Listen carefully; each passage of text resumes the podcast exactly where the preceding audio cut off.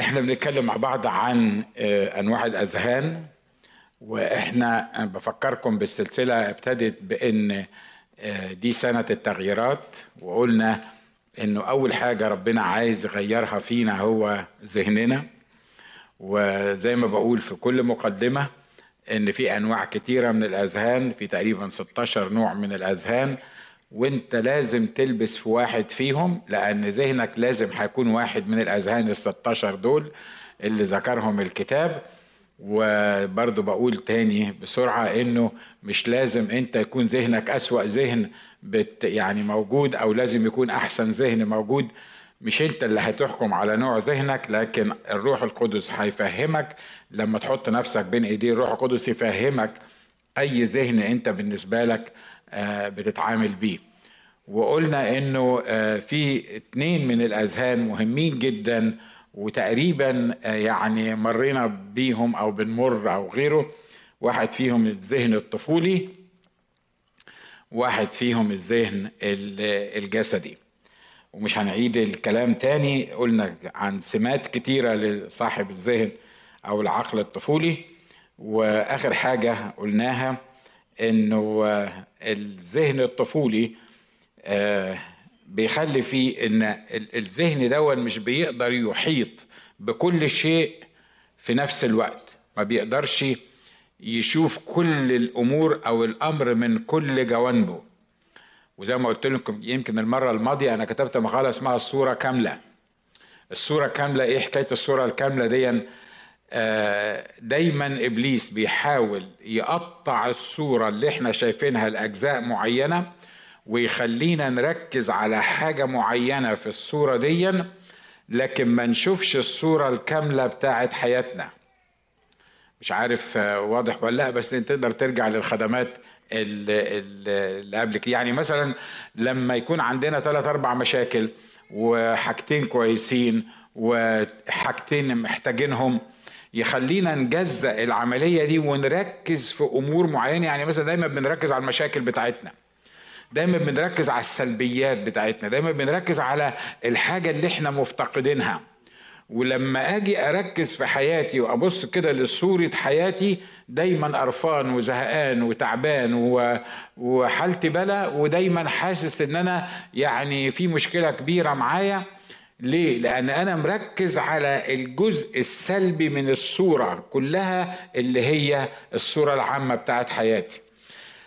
وده وده شيء طبيعي في الإنسان دايما كتير إحنا بنعمل الحكاية دي. لكن لو أنا شفت الحاجة السلبية اللي موجودة في حياتي أو الاحتياج اللي موجود في حياتي وشفت كمان الإيجابيات اللي موجودة في حياتي والأمور اللي أنا محتاج أشكر الرب عليها شفت الصورة كاملة بتاعت حياتي هتفرق جدا في حياتي ليه؟ مش هركز على الأمور السلبية وطبعا إحنا ناس نكديين بطبيعة حالاتنا حياتنا يعني كبشر. وطبعا بيضيف عليها إن إحنا أصلا آه، من الشرق الأوسط فإحنا نكديين دبل تو وبيضيف عليها إن الأمور اللي إحنا عشناها في الشرق الأوسط يعني يعني إحنا إحنا بطبيعتنا صح الكلام اللي أنا بقوله ده ولا ولا؟ يعني ودايما بقول كده يوم ما بنبتسم عندنا مثل في المصري كده لما تضحك تقول خير اللهم اجعله خير. ليه؟ لأن أنت مش متوقع إنك تضحك، مش متوقع إنك أنت تفرفش تنبسط، مش مش متوقع الحكاية دي، فعشان كده لما بيحصل الحكاية دي بتحس إن في حاجة غلط، يعني ال ال ال لازم تحصل لك حاجة لأنك أنت ابتسمت أو لازم إنك أنت يعني آه، فرحت أو عشت حاجة حلوة. فصاحب العقل الطفولي ده مش بيفكر بالأسباب والمسببات، لا يرى الصورة كاملة ولا يقارن الروحيات بالروحيات. زي ما قال الكتاب قارن الروحيات بالروحيات مش بس في التعليم لكن شوف اللي بيحصل معاك واللي بيحصل في حياتك واللي الأطفال ما يقدروش يعملوا الحكاية دي. الأطفال دايما مركزين على الحاجة الجميلة في حياتهم الفستان اللي جابه بابا أو الهدية اللي جابتها ماما أو المشوار أو السفرة اللي خدونا فيها الديزني لاند هو دي دنيته. ده ده كل اللي هو بيعيش فيه. فما بيفكرش في في في الصورة الكاملة دي. يعني أنا زمان مثلا قررت إن أنا آه، أخش فريق الكشافه عجبني الناس بتوع الكلام ده كان زمان قوي قوي ما تفكرش فيه يعني. ففريق الكشاف. فكل اللي أنا عملته إيه؟ قلت لبابا إن أنا عايز أخش فريق الكشاف. المسكين طبعا ما كانش يقدر يقول لي لا لأنه لو قال لي لا هيبقى وحش وهبقى في ذهني أنا بابا ده يعني مش مش بيعمل الحاجة اللي طبعا أنا ما خدتش بالي إن فريق الكشافه دون محتاج مثلا 10 جنيه. 10 جنيه ده أيام رفاعة الطهطاوي دي كانت حاجة كبيرة قوي يعني يعني يمكن مرتبه كله ما كانش يجيب 10 جنيه. بس أنا كطفل عايز إيه؟ عايز أخش فريق الكشاف واكتشفت ما عرفتش الراجل جاب منين الهدوم والأمور بتاعت الكشافة دي وما خدتش بالي إن فريق الكشافة ده م م يعني مكلف إلا بعد ما فاتت فترة كبيرة وبعدين بعد ما كبرت وقلت الله. طب اللي بابا جابهولي ده كان تقريبا ثلاث أرباع مرتبه في الشهر. عمل كده إزاي؟ جابه إزاي؟ يعني الحكاية دي. بس أنا لما كنت طفل لو كان بابا قال لي لأ كانت تبقى واقعه سودة. واضح اللي أنا عايز أقوله مش كده؟ وأطفالك بيعملوا نفس القصة. ليه؟ لأن هو بيجي على رأي أندي لما كان صغير قوي لما كان يطلب مني حاجة أقول له ما معيش فلوس يقول لي go to the bank آه هو بيروح معايا بي بي بيشوف إن أنا بحط حتة بلاستيك في في البنك وبتنزل فلوس. ما معكش فلوس طب so what go to the bank فده المخ الأطفالي. على فكرة أنا بتكلم عني وعنك لغاية النهارده. إحنا بنعمل مع ربنا كده. ليه؟ لأن ما بنشوفش الصورة كاملة وبنشوف احتياجي وأنا عايز الحاجة دي بالذات ولو ما عطتهانيش تبقى مش بتحبني وتبقى زي ما قال القسيس هاني آه، صورة الله في دماغي يعني تختلف ومش عارف ليه هو مستقصدني ومش عارف ليه مركز عليا ومش عارف اشمعنى أنا اللي محتاج مش عارف اشمعنى أنا اللي ماشي في المشاكل دي شاف كل الناس وما شافنيش عمل كذا وما عملش معايا. ده الذهن الايه الذهن الطفولي. ليه؟ لأن الذهن الطفولي لا يرى الصورة كاملة. عشان كده خلي صلاتك النهاردة يا رب خليني أشوف الصورة كاملة. خليني أشوف الصورة كاملة في حياتي. ما تخلينيش أركز على السلبيات أو مجرد احتياجاتي. محتاجة تدريب الحكاية دي؟ محتاجة تدريب مش كده؟ دايما آخر مرة أقول إحنا بنركز على السلبيات لأن السلبيات هي اللي مرات كتيرة اللي بتوجعنا. الحاجات الزينة والظريفة واللي حصلت معانا يعني عدت خلاص. يعني حصلت معانا وعدت حصلت معانا وعدت حصلت معانا وعدت. لكن الحاجات اللي بتوجعنا ديا دي اللي إحنا بنركز فيها وبنحاول نشوف لها حل. لكن لما تشوف الصورة كاملة تشوف الشمس خلف الغيمة. تشوف الله المعتني بيك الإله الذي رعاني زي ما قال الكتاب منذ إيه؟ منذ وجودي. انت موجود النهاردة على الكرسي ده قدامي مش لاني أنا حلو وانت حلو لكن نعمة الله اللي حفظتك وحفظتني وجابتني وانت عارف انت جيت منين وجيت إزاي ووصلت للبلد دي إزاي وقاعد هنا إزاي. انت عارف ان عشرات الأمور ما كانتش ميات ولا الاف حصلت في حياتك انت محتاج تشكر الرب عليه. امين؟ فعشان كده لما بنطلب من الرب إنه يدينا ذهن ناضج الذهن الناضج ده بيقدر يشوف الصورة كاملة. مفيش نقطة سودة كده بيقدر يركز فيها وخلاص لكن بيشوف الأمور المختلفة اللي بتحصل معاه. الذهن اللي بعد كده اللي عايزين نتكلم عنه مش هنتكلم عنه كتير النهاردة هو الذهن الجسدي. الذهن الجسدي زي ما قلت هما اتنين من الأذهان آه، مهمين جدا لأنه كل واحد فينا هيلاقي نفسه بشكل أو بآخر في الأذهان دول. خلوني أقرأ معاكم اللي, اللي كاتبوا الكتاب عن الذهن الجسدي. آه، هي قراية طويلة شوية لكن ركز فيها وهنتكلم هنتناقش فيها بعد كده. الكتاب بيقول فلا يحكم عليكم أحد في أكل أو شرب أو من جهة عيد أو هلال أو سبت التي هي ظل الأمور العتيدة وأما الجسد فللمسيح. لا يخسركم أحد الجعالة راغبا في التواضع وعبادة الملائكة متداخلا فيما لم ينظره منتفخا باطلا من قبل ذهنه الجسدي. يعني في ذهن اسمه إيه؟ ذهن جسدي. ما تقول معايا ذهن جسدي. علشان تفتكر الحكاية دي. وغير متمسك بالرأس الذي منه كل الجسد بمفاصل وربط متوازرا ومقترنا ينمو نموا من الله. اذا إن كنتم قد متم مع المسيح عن أركان العالم فلماذا كأنكم عائشون في العالم؟ تفرض عليكم فرائض لا تمس ولا تذوق ولا تجس التي هي جميعها للفناء في الاستعمال حسب وصايا وتعليم الناس. التي لها حكاية حكاية حكمة بعبادة نافلة وتواضع وقهر الجسد. ليس بقيمة ما من جهة إشباع البشرية. الذهن الجسد اللي إحنا بنتكلم عنه صفة من صفات الناس اللي هم ليهم الذهن الجسد دول يخضعون ويخضعون الناس لأحكام الناس. هم بيخضعوا لأحكام الناس وعايزين الناس تخضع لأحكام الناس زيهم. هو فاكر أنبه إخواته عارف الذهن ده؟ أنبه إخواته. هو خاضع هو نفس الشخص خاضع لأحكام الناس لحكم الناس لتفصيلات حاطينها الناس لحياته ومقتنع بيها مع إنه دايما بيعاني منها ودايما ما عندوش يقينية عليها وهشرح الكلام ده عشان ما تبقاش محاضرة فلسفة. لكن بالرغم من هو مش قابل الموضوعات دي بالرغم إنه مش قادر يعمل الحاجات دي هو عايز يطبقها على غيركم على غيره. أدي لك مثل عملي. كم واحد فينا وهو لما بيحكم عليه إن هو يصوم 55 يوم بغض النظر عن مين اللي, اللي قرر ال 55 يوم دول ولا قررهم إزاي ولا الكنيسة ولا بتاع. أنا أنا بتكلم على حاجة عامة يعني. كم واحد كده بيبقى اكسايتد إن هو هيصوم 55 يوم؟ هياكل حاجة معينة ومش هياكل حاجة معينة وهيتصرف بالطريقة المعينة.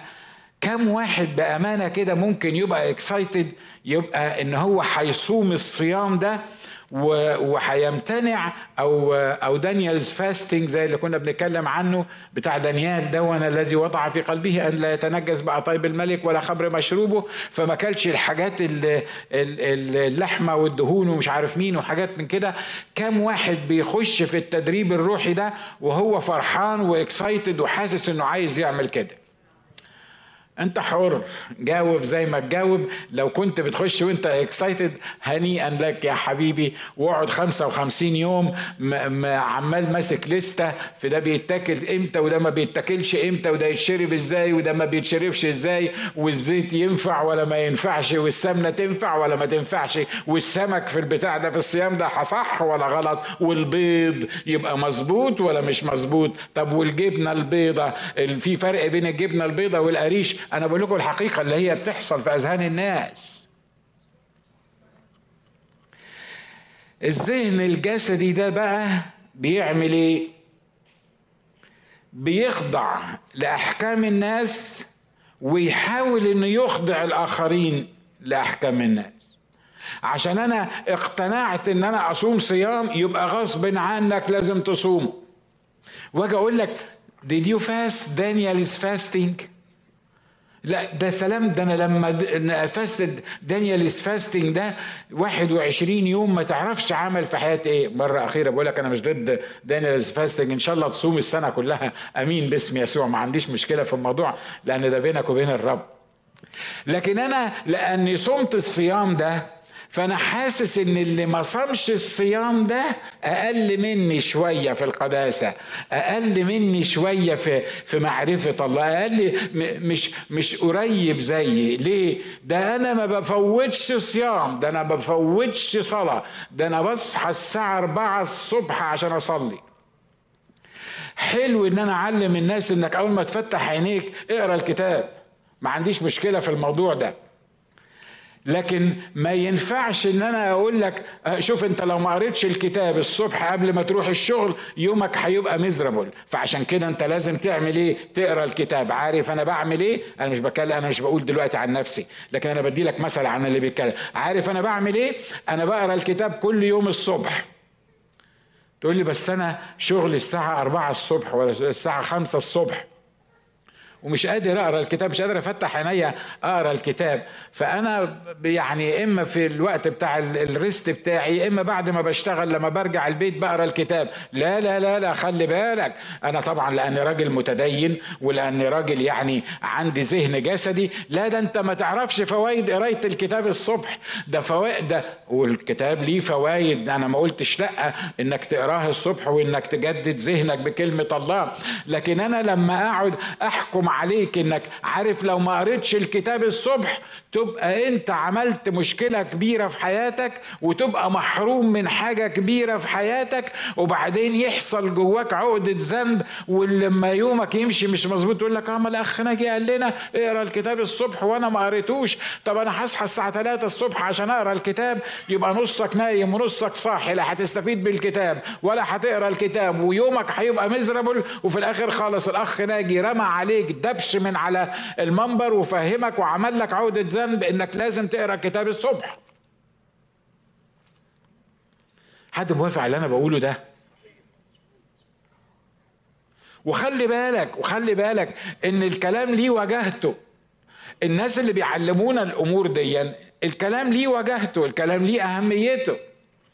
مهم إنك تقرأ الكتاب الصبح. أمين لو عندك وقت وتقدر تقرأ الكتاب الصبح وتتأمل أمين مفيش مشكلة. لكن أنا لما أقف لك على المنبر وأفهمك إنك لو ما قريتش الكتاب الصبح قبل ما تطلع وقبل ما تروح الشغل هتبقى عملت غلطة كبيرة ويومك مش هيبقى كويس. هنا يبقى ده الذهن الجسدي اللي بيكلم الناس والناس بتقبل الكلام ده بالذهن الجسدي. وعايز أقول لك حاجة غريبة جدا. الناس بتقبل الأمور الجسدية أكتر من الأمور الروحية. عارف ليه؟ لأنه عايز يرضي الجسد. لأنه عايز يحس إنه عمل حاجة. تفتكر الله هيقبلك أو يعني هيعاملك مختلف لو قريت الكتاب الصبح قبل ما تنزل الشغل ولا الظهر في وقت الراحة بتاعتك ولا بالليل لما ترجع ولا قبل ما تغمض عينك وأنت نايم بالليل؟ تفتكر هيفرق مع ربنا؟ يقول لك بص إحنا بنقسمهم كده للناس الناس اللي قرت الصبح دول عندهم امتياز معين اللي في الظهر مش قوي يعني لأن هم شغلوا نفسهم. بالليل دول بقى بتوع السبنسة دول يعني اللي إيه اللي, اللي أنا بقوله لكم ده في ناس عايشة مستعبدة ليه. مع إن الله حررنا مع إن الله أعطانا حرية في المسيح يسوع بحيث إن ما نصيرش الحرية فرصة للجسد لكن في ناس بي بيتعاملوا بالمنطق ده.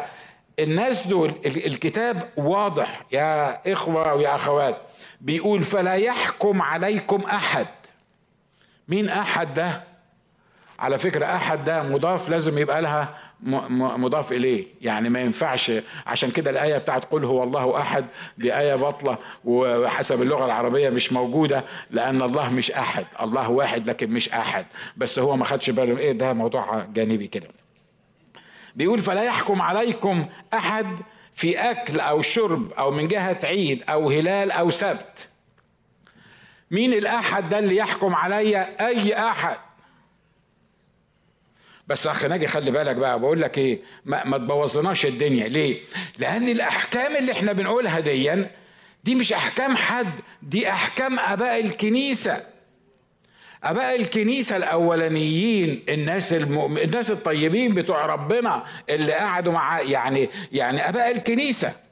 هتيجي انت بعد 2000 سنة تبوظ لنا اللي هم قالوه. مش معقولة يعني. يعني انت الاختراع يعني في الأيام دي اللي بتقوله أباء الكنيسة اللي قالوا لنا على الحكاية دي. أنا ماليش دعوة بأباء الكنيسة. أنا ليا دعوة بالكلمة النبوية التي هي أثبت. الرسول بولس بالروح القدس سجل لنا في الكتاب بيقول فلا يحكم عليكم أحد أي أحد إن كان قسيس أو كاهن أو أسقف أو بابا أو غيره لا يحكم علي أحد ابدا في الطريق الطريقة اللي أنا بتعامل فيها مع الرب واللي الرب بيتعامل فيها معايا. آمين. أنا عارف إن الدنيا هتولع بعد كده بس anyway الكتاب واضح بيقول فلا يحكم عليكم أحد في أكل أو شرب. يعني تاكل إيه وما تاكلش إيه؟ تقول طب بقول لك إيه؟ ده ربنا نفسه ده ربنا نفسه. قال ان في حيوانات طاهرة وحيوانات غير طاهرة وطيور طاهرة وطيور غير طاهرة. وده تاكل منه وده ما تاكلش منه. يعني هو ربنا أصلا اللي اللي شرع الحكاية دي وهو اللي حطها. مش مش مش الناس اللي عملت الحكاية دي. على فكرة الله لما عمل كده دي كانت ظل للأمور ظل للأمور العتيدة ظل للي عايز الرب يعمله. وكان عامل كده علشان يقول للناس إن في محرمات ومحللات وتاكل دي وما تاكلش دي لأن هم كانوا تحت عصر الناموس بتاع تعمل وما تعملش. ليه؟ لأن الروح القدس ما كانش بيسكن فيهم فما كانش حد بيرشدهم. فكان لازم ينزل لهم مقرر. وكان لازم يقول لهم تاكل إيه وما تاكلش إيه وتتصرف إزاي وما تتصرفش إزاي وتروح فين وما تروحش فين وده يخليك نجس وده ما يخليكش نجس ليه؟ لأن مفيش الروح القدس اللي جوه بيسكن في الإنسان علشان يقول له إيه اللي بيحصل معاه. واضح؟ ولما الرب عمل كده في الأول وفهمهم إنه في حلال وحرام ومحرم وغير محرم. تفتكروا في واحد بس في الدنيا قدر يمشي حسب القانون الإلهي ده وما يكسرش الناموس بتاع الحلال والحرام ده؟ عارف لو في واحد بس قدر يكمل الناموس كان يسوع جه من غير سبب. وكان ما يبقاش ليه لازمة. ليه؟ لأن كنا إحنا نقدر نكمل. الوصايا اللي عطاها لنا كنا نقدر نعملها. فإحنا محتاجين يسوع في إيه؟ إحنا محتاجين الروح القدس في إيه؟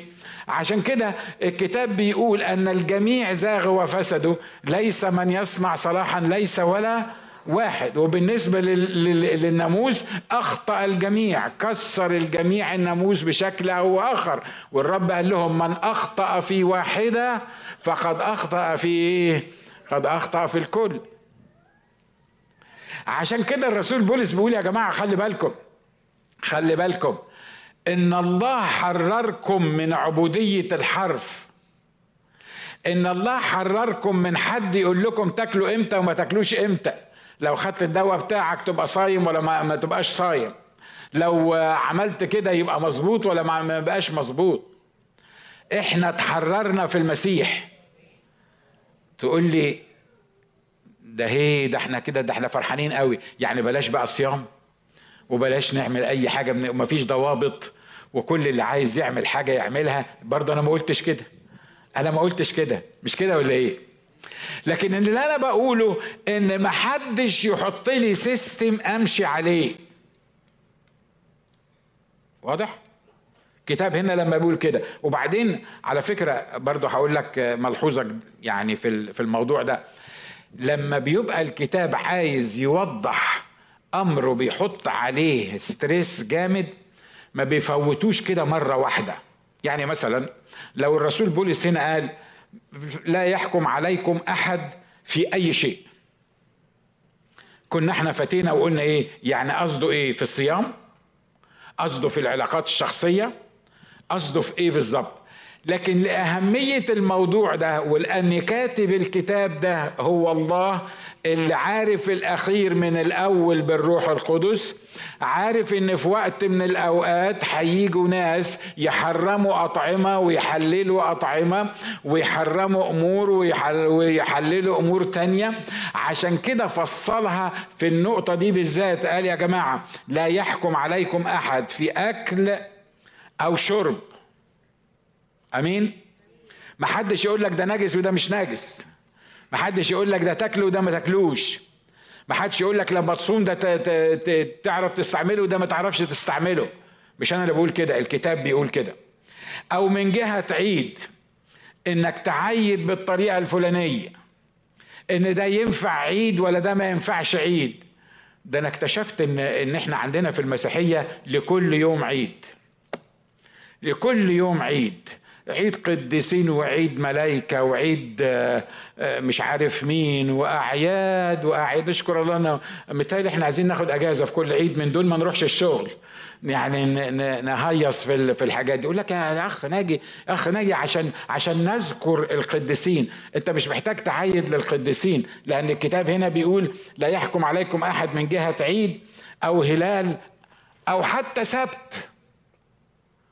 طب كل اللي فات ده حلو وكويس وتمام ومظبوط. بس سبت الوصية اللي الرب كان مركز عليها في العهد القديم واللي قال إن اللي يكسر السبت ده تقطع تلك النفس. عقاب السبت ده عقاب الحكم على السبت ده تقطع تلك النفس من من من الشعب. حتى السبت ما يحكمش علي حد فيه. عارف ليه؟ لأن الله حررك فأنت مش واقع تحت واحد من البشر يقول لك تعمل إيه وما تعملش إيه. أمين؟ إحنا مش في الديبيت بتاع يوم السبت ولا يوم الحد. وبعدين يقول لك آه ما الجماعة إياهم عندهم الجمعة والجماعة التانيين عندهم السبت يبقى إحنا لازم نلاقي يوم تاني نعمله الحد مثلا عارف؟ كل واحد بقى ليه يوم آه يعمله يعني. وبعدين يطلع تطلع خناقة كبيرة بين الناس يقول لك لا لا لا, لا إلا السبت والسبت والسبت والسبت واللي ما يعملش السبت والاجتماع حتى ناس سموا نفسهم السبتيين. والدفاع عن يوم السبت أصبح مستميتا. ويوم الحد دون بيعتبروه إن إحنا لما بنجتمع يوم الحد يعني إحنا عملنا المصيبة الكبيرة ليه؟ لأن إحنا مش بنجتمع يوم السبت. ده اسمه الذهن الإيه ده؟ ده اسمه الذهن الجسدي. اللي عايز يرضي الجسد اللي عايز يرضي الناس. لكن بالنسبة لنا إحنا حررنا الابن من كل هذا وزي ما بقول حررنا مش معناها عمل لنا فوضى يعني تعمل اللي انت عايزه وخلاص وما وما يبقاش في ضوابط الأمور لا إحنا بنتكلم عن ضوابط من الروح القدس وما هياش فوضى تعمل اللي انت عايزه. لكن لو أنا وقفت النهارده وقلت الاجتماع لازم يبقى يوم السبت وحسبت لك أنا من يوم السبت ليه وأجيب لك 15 إثبات إن الناس في العهد القديم كانوا بيعملوا يوم السبت يبقى لازم يتعمل الاجتماع يوم السبت. مرة حضرت مؤتمر في أورشليم. ناس يهود جم للمسيح رائعين يعني وحياتهم ممتازة. المؤتمر كان الجمعة والسبت والحد. يوم الجمعة المؤتمر كان مليان. يوم السبت نص الناس ما جوش. فأنا طبعا ما كنتش واخد بالي من هو في إيه يا إخوانا؟ يعني إيه اللي حصل في المؤتمر؟ قالوا لي لا بس الإخوة اليهود ما بيتحركوش من بيوتهم يوم السبت. قلت لهم ليه؟ قالوا لي ده يهود يهود. فبالنسبة لهم السبت يعني ده ما يقدروش يكسروه يعني. قلت لهم يعني بالنسبة لهم حتى اجتماع للرب يسوع يوم السبت ما ينفعش يتعمل؟ إحنا مش بنتكلم عن عن عادة قديمة إحنا بنتكلم عن اجتماع روحي للرب يسوع المسيح. أمال بيعملوا إيه يوم السبت؟ على فكرة مش كل اليهود كده مش كل المؤمنين من اليهود كده. أمال بيعملوا إيه يوم السبت؟ قالوا لي ولا حاجة. يفضلوا قاعدين في بيوتهم ويقروا الكتاب المقدس لكن ما ينزلوش ابدا من البيت. متهيألي لو أنت عندك ذهن جسدي تقول يا سلام على الناس دي دي ناس قديسين وأهل بيت الله. ليه؟ لأن هم حتى مش عايزين ينزلوا من البيت يحضروا الاجتماع يوم السبت. عارف ده اسمه إيه ده؟ ده اسمه ذهن جسدي. لأن المسيح نفسه الله الظاهر في الجسد حسب تقليد اليهود كسر يوم السبت. صح ولا لأ؟ قال للراجل اللي إيده يسابس اعمل إيه مد إيدك. قامت القيامة. الذهن الجسدي ابتدى يتحرك. إزاي؟ وهذا الإنسان ليس من الله وهنموته عشان إيه؟ عشان شاف إنسان يوم السبت. والرب يسوع قال لهم من منكم إذا سقط حماره في حفرة؟ هيقول لا ده يوم السبت وهنسيبه. ده حمار بقى وقع في الحفرة نعمل له إيه؟ خليه. ما دام حمار خليه يبقى واقع في الحفرة دي يوم الحد إن شاء الله هنطلع الحمار ده من الحفرة. بيقول لهم مين منكم بيتصرف بالطريقة دي بيفكر بالطريقة دي. ما حدش طبعا. مش كده ولا إيه؟ مظبوط؟ يعني بيطلع الحمار أنا ما أعرفش بيطلع الحمار إزاي. بيجيب ثلاثة أربعة يطلعوه بيعمل مجهود بيعمل حاجة بياخد منه قد إيه يوم السبت؟ يعني ببساطة كده المفروض إن هو كسر السبت. يعني الحمار لما يقع في حفرة تطلعه من السبت والمسكينة اللي إيدها مشلولة لما يشفيها الرب يسوع يوم السبت يبقى عمل جريمة. ده اسمه إيه ده؟ اسمه الذهن الجسدي. اللي ما بيفكرش الذهن الجسدي ما بيفكرش إلا في وصايا الناس اللي حطوها عليه ولازم تمشي تبع الموضوع ده. ولما يعمل كده يا أخي يفتخر ويعمل زي نظام اللهم إني صايم. ممكن تبص اللي جنبك قول له لا يحكم عليك أحد في أكل أو شرب أو جهة عيد أو هلال أو سبت. آخر حاجة أقولها لك النهارده. واحدة من صفات أصحاب الذهن الجسدي يخسرون ويخسرون الناس الجعالة. هم بيخسروا وبيخسروا الناس. الكتاب بيقول كده لا يخسركم أحد الجعالة. والجعالة دي معناها الجيزه أو المكافأة. راغبا في التواضع وعبادة الملائكة. مرات الكلام الكتابي بيبقى عايز بيبقى عايز شرح مش كده ولا إيه؟ يعني يعني عبادة الملائكة دي آه طبعا كلنا مش موافقين عليها مش كده ولا إيه؟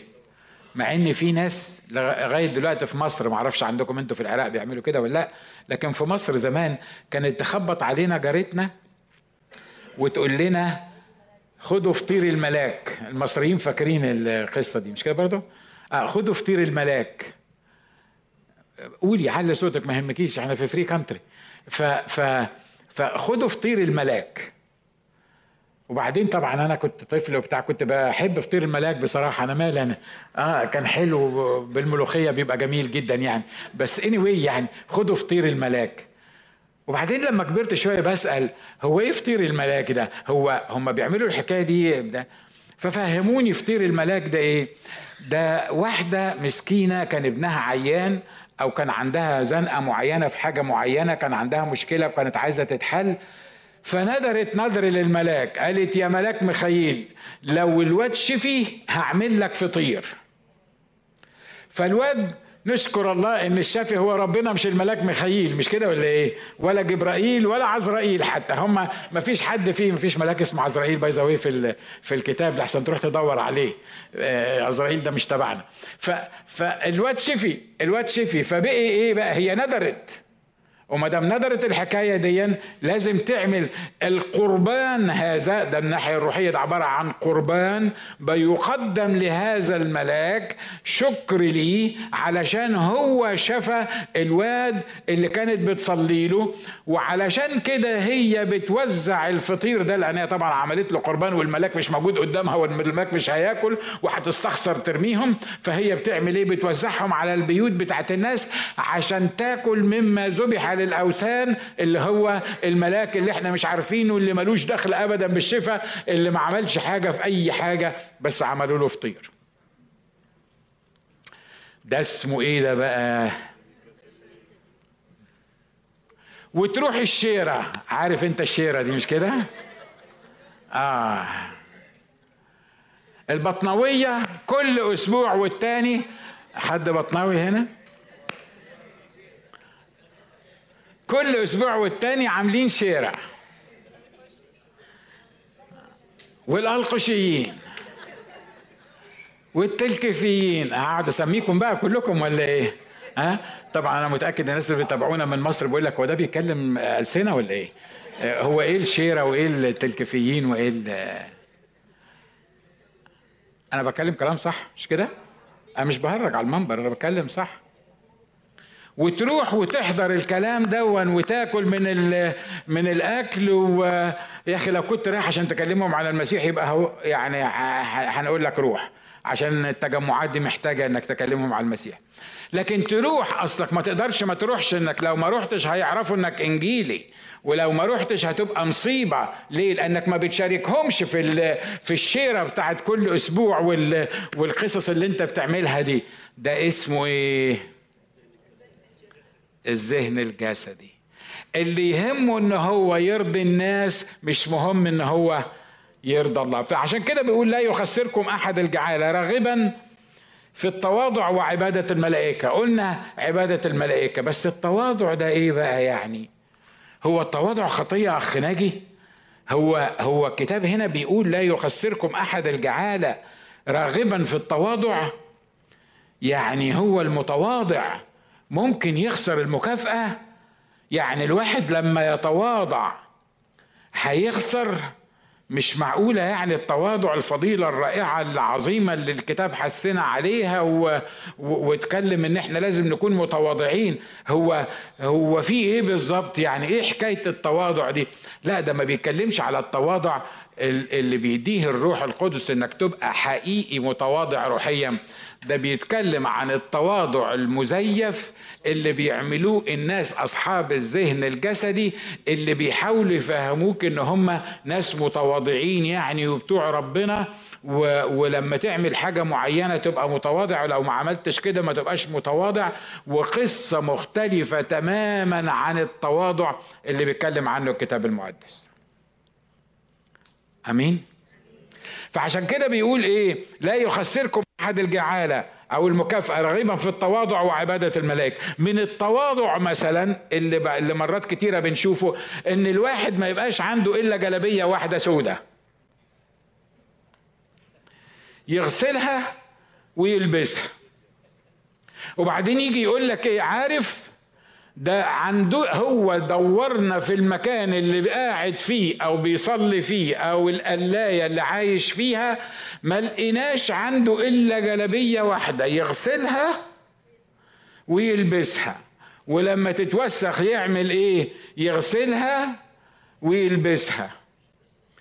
وده التواضع في تواضع أكتر من كده؟ يعني في حاجة أحلى من كده؟ إن واحد ما يبقاش عنده إلا جلابية واحدة يغسلها ويلبسها؟ ده راجل زاهد في الحياة راجل مش يعني ما ما ما, ما يعني مش عايز حاجة من الدنيا. ده هو ده ده كل اللي هو عايزه بس هو الرب وعمل الرب وخدمة الرب وعازل نفسه المسكين وقاعد في حتة عمال يغسل في الجلابية ويلبسها عشان بيعذب نفسه وبيقهر جسده علشان يبقى أقدس من غيره.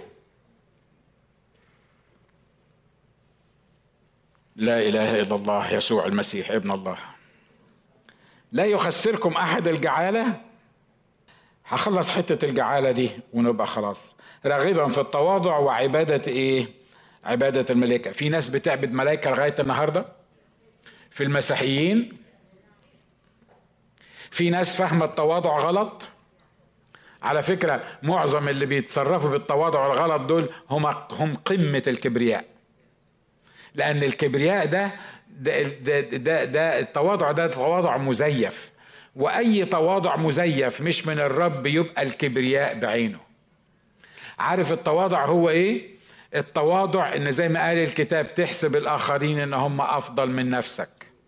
لما تحسب الآخرين أفضل من نفسك مش محتاج تلبس هدوم أقل من الآخرين ومش محتاج تتصرف بالطريقة إياها اللي البعض بيتصرفوا بيها ومش محتاج تعمل أي منظر في الجسد لكن دي حاجة روحية الله يقدر يستخدمك في عملها. إيه هي الجعالة؟ الجعالة على الأرض هي أن أعرف المسيح على الأرض وأوجد فيه. الرسول آه، بولس قال الآية اللي شاركنا بيها آه، أخونا الاسيس هاني بيقول الكلمات دي. الجعالة هي بيقول لأعرفه وقوة قيامته وشركة آلامه متشبهة بموته. بل إني أحسب كل شيء أيضا خسارة من أجل فضل معرفة المسيح يسوع ربي الذي من أجله خسرت كل الأشياء وأنا أحسبها نفاية. لكي أعمل إيه؟ أربح المسيح. آخد الجعالة. وأوجد فيه أربح المسيح دي دي الجعالة دي الهدية دي المكافأة اللي الرب بيدهاني. علشان أعمل كده علشان أنا آخد الجعالة دي أعيش أعمل إيه؟ أعيش أعرف المسيح. لما ابتدى بولس خدمته أول سؤال سأله الرب أنت مين؟ قال له أنا يسوع الذي أنت تضطهده. طب عرفنا الحكاية دي. في آخر حياته بيقول إيه؟ لا أعرفه. وقوة قيامتي يعني أنا بعمل كل الكلام ده علشان عشان أعمل إيه؟ عشان أعرفه. عشان أقرب منه. عشان عشان أعرف مين هو الشخص شخص الرب ده. تقول لي طب وبين بين من أنت يا سيد لغاية أعرفه؟ كان بيعمل إيه بولس بقى في القصة دي من البداية للنهاية؟ عارف كان بيعمل إيه؟ كان بيعرفه. عشان كده لما جه يموت قال إيه أيها الإخوة أنا لم أحسب نفسي إني قد أدركت. أنا هعمل حاجة واحدة بس. أنا هنسى كل اللي عرفته عن شخص الرب يسوع هنسى كل اللي عملته هنسى كل الحاجات الرائعة اللي أنا عملتها. هحطها ورا ظهري وهامتد إلى ما هو قدام علشان أعرفه أكتر لاعرفه وقوة قيامته وشركة آلامه متشبها بموتي. حاجة بيقع فيها أصحاب الجنس الأيمين الذهن الجسدي إن هم فاكرين إن هم فاهمين كل حاجة. وبالنسبة لهم عارفين يسوع ده مين ويعني ناس ناس آه، واضح طبعا على الفيسبوك والمشاكل اللي حاصلة على الفيسبوك إن كل واحد عرف كلمتين أو يعني متخيل إن هو عارف كلمتين عامل بيهم قصة كبيرة وطلعت دلوقتي مش عارف آه، آه، حرفية الكتاب وعدم حرفية الكتاب وال والصوفية والخديجة وحاجات يعني عارف حاجات كده حاصلة كده بتحصل لأن كل واحد فينا فاهم إن هو فاهم. ما هي الجعالة؟ الجعالة على الأرض إني أعرف المسيح وأوجد فيه. أقصى ما أحلم بيه والمفروض تحلم بيه أنت وأنا إني أعرف مين هو المسيح.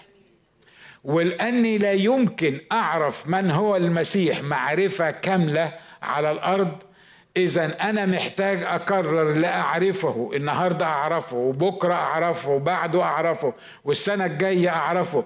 ولما يجي الوقت إني أسكب سكيبا زي ما قال الرسول هنا ووقت انحلالي قد حضر الحاجة الوحيدة اللي باقيالي إن أنا أقدر أعملها وعايز أعملها والمفروض أعملها إن أعرفه لغاية ما أعرفه المعرفة الكاملة لما أوصل السماء.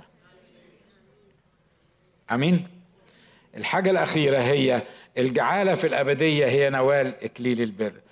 بيقول الكلمات دي قد جاهدت الجهاد الحسن أكملت السعي حفظت الإيمان وأخيرا وضع لي إكليل البر الذي يهبه لي في ذلك اليوم الرب الديان العادل. يبقى الجعالة دي يعني اللي عايزين يخسروها لي الناس دول الجسديين أصحاب الذهن الجسدي على الأرض عايزين يخسروني إن أنا أعرفه. ليه؟ لأن طبعا لما يحكموا عليا في عيد وهلال وتاكل وتشرب وتعمل كده يبقى أنا ما أعرفوش. لأن أنا لو أعرفه أعرف إن هو حررني من كل ده. لو أعرفه أعرف إن في الروح القدس اللي يرشدني لكل ده. ما هو حاجة من الاتنين يا إما هتركز في قوانين الناس وأحكام الناس وفرائض الناس واللي قالوا لك عليه الناس يا إما هتركز في إنك تعرف شخص المسيح نفسه. وطول ما انت مركز على اللي بيعلمه لك الناس معرفتك للمسيح هتبقى قصرة ومعرفتك للمسيح مش هتقدر تستفيد بالوقت بتاعك في حياتك وتعرف المسيح بطريقة مظبوطة. أمين؟ أنا عارف إن أنتوا تعبتوا مش كده؟ أنا قربت أنا خلصت. واضح اللي أنا عايز أقوله. فالجعالة على الأرض إن أنا أعرفه إن أنا أعيش ملتصق فيه واللي يقوله لي أعمله. ومحدش يحكم عليا. مرة أخيرة مش محدش يحكم عليها معناها إن أنا كل اللي يطلع في دماغي أعمله. أعيش متسيب زي ما أنا عايز.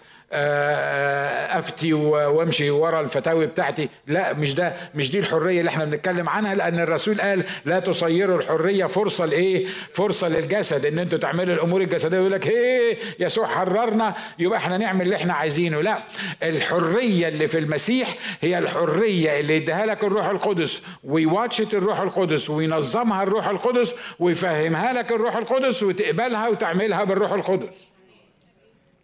دي الحرية الحقيقية اللي لينا في المسيح. الكلام ده على الأرض وفي الأبدية هي إن أوصل إني أقدر أقول جاهدت الجهاد الحسن أكملت السعي حفظت الإيمان. وأخيرا لما هروح هناك الرب هيضع لي إكليل البر. by the way إكليل البر already اتوضع. انت هتاخده هناك. انت هتشوفه هناك. انت هتفهمه هناك.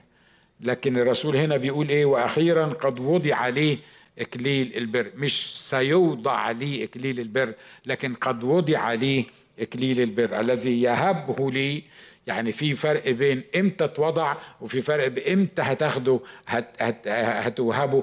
الذي يهبه لي في ذلك اليوم الرب الديان العادل.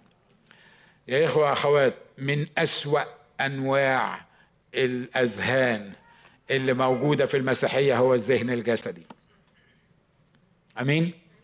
لأن الأطفال تعرف تعرفوا من هم أطفال وتعرف لما يقرفك تقول له ده ذهن طفول وده ما ينفعش إنك أنت تعمل كده. لكن الجسدي ده هو تجسيم لأنبه إخواته. عارف أنبه إخواته؟ المصطلح اللي اخترعته أنا؟ أنبه إخواته ده الذهن الجسدي ده تن يعني تجسيم لأنبه إخواته ده. اللي فاهم كل حاجة واللي بيفسر كل حاجة بطريقته واللي بيقبل اللي بيقوله له الناس في بعض الأوقات واللي بيحاول يمشي الآخرين على اللي هو قبله وفي النهاية بيخسر الجعالة. ليه؟ لأنه لا بيعيش مستمتع في الأرض ولا هياخد إكليل البر في السماء لأنه هو ما عاش صح في الأرض. عشان كده مش هياخد إكليل في السماء. أمين؟ مش عارف أقول إيه تاني لكن الروح القدس كفاية اللي قاله الروح القدس. وتعالوا نقف مع بعض ونرنم ون... ونفرح بمحضر الرب حد ربنا كلمه النهارده؟ ها؟ قول له يا رب من فضلك من فضلك نظف مخي نظف ذهني. يا رب اديني الذهن الروحي الحقيقي اللي يقدر يفهمك. يا رب ما تخلينيش أبقى عبد للناس وتعليم الناس ووصايا الناس. ما تسمحش ما تسمحش إن إبليس يستخدم الموضوع ده في إن هو يعيشني في عقده ذنب لأني مش قادر أمشي حسب الوصايا اللي بيقولوها لي. ولما ما أمشيش حسب الوصايا اللي يقولها لي يحصل لي عقدة ذنب ويجي إبليس يقول لي آه ما أنت عشان كسرت ده وعشان ما عملتش ده وعشان ما تسويتش بالطريقة الفلانية. واعيش طول عمري تحت تحت عقدة ذنب ملهاش لازمة. الكتاب بيقول إن حرركم الإبن فبالحقيقة تصيرون أحرار فلا يحكم عليكم أحد من جهة أكل.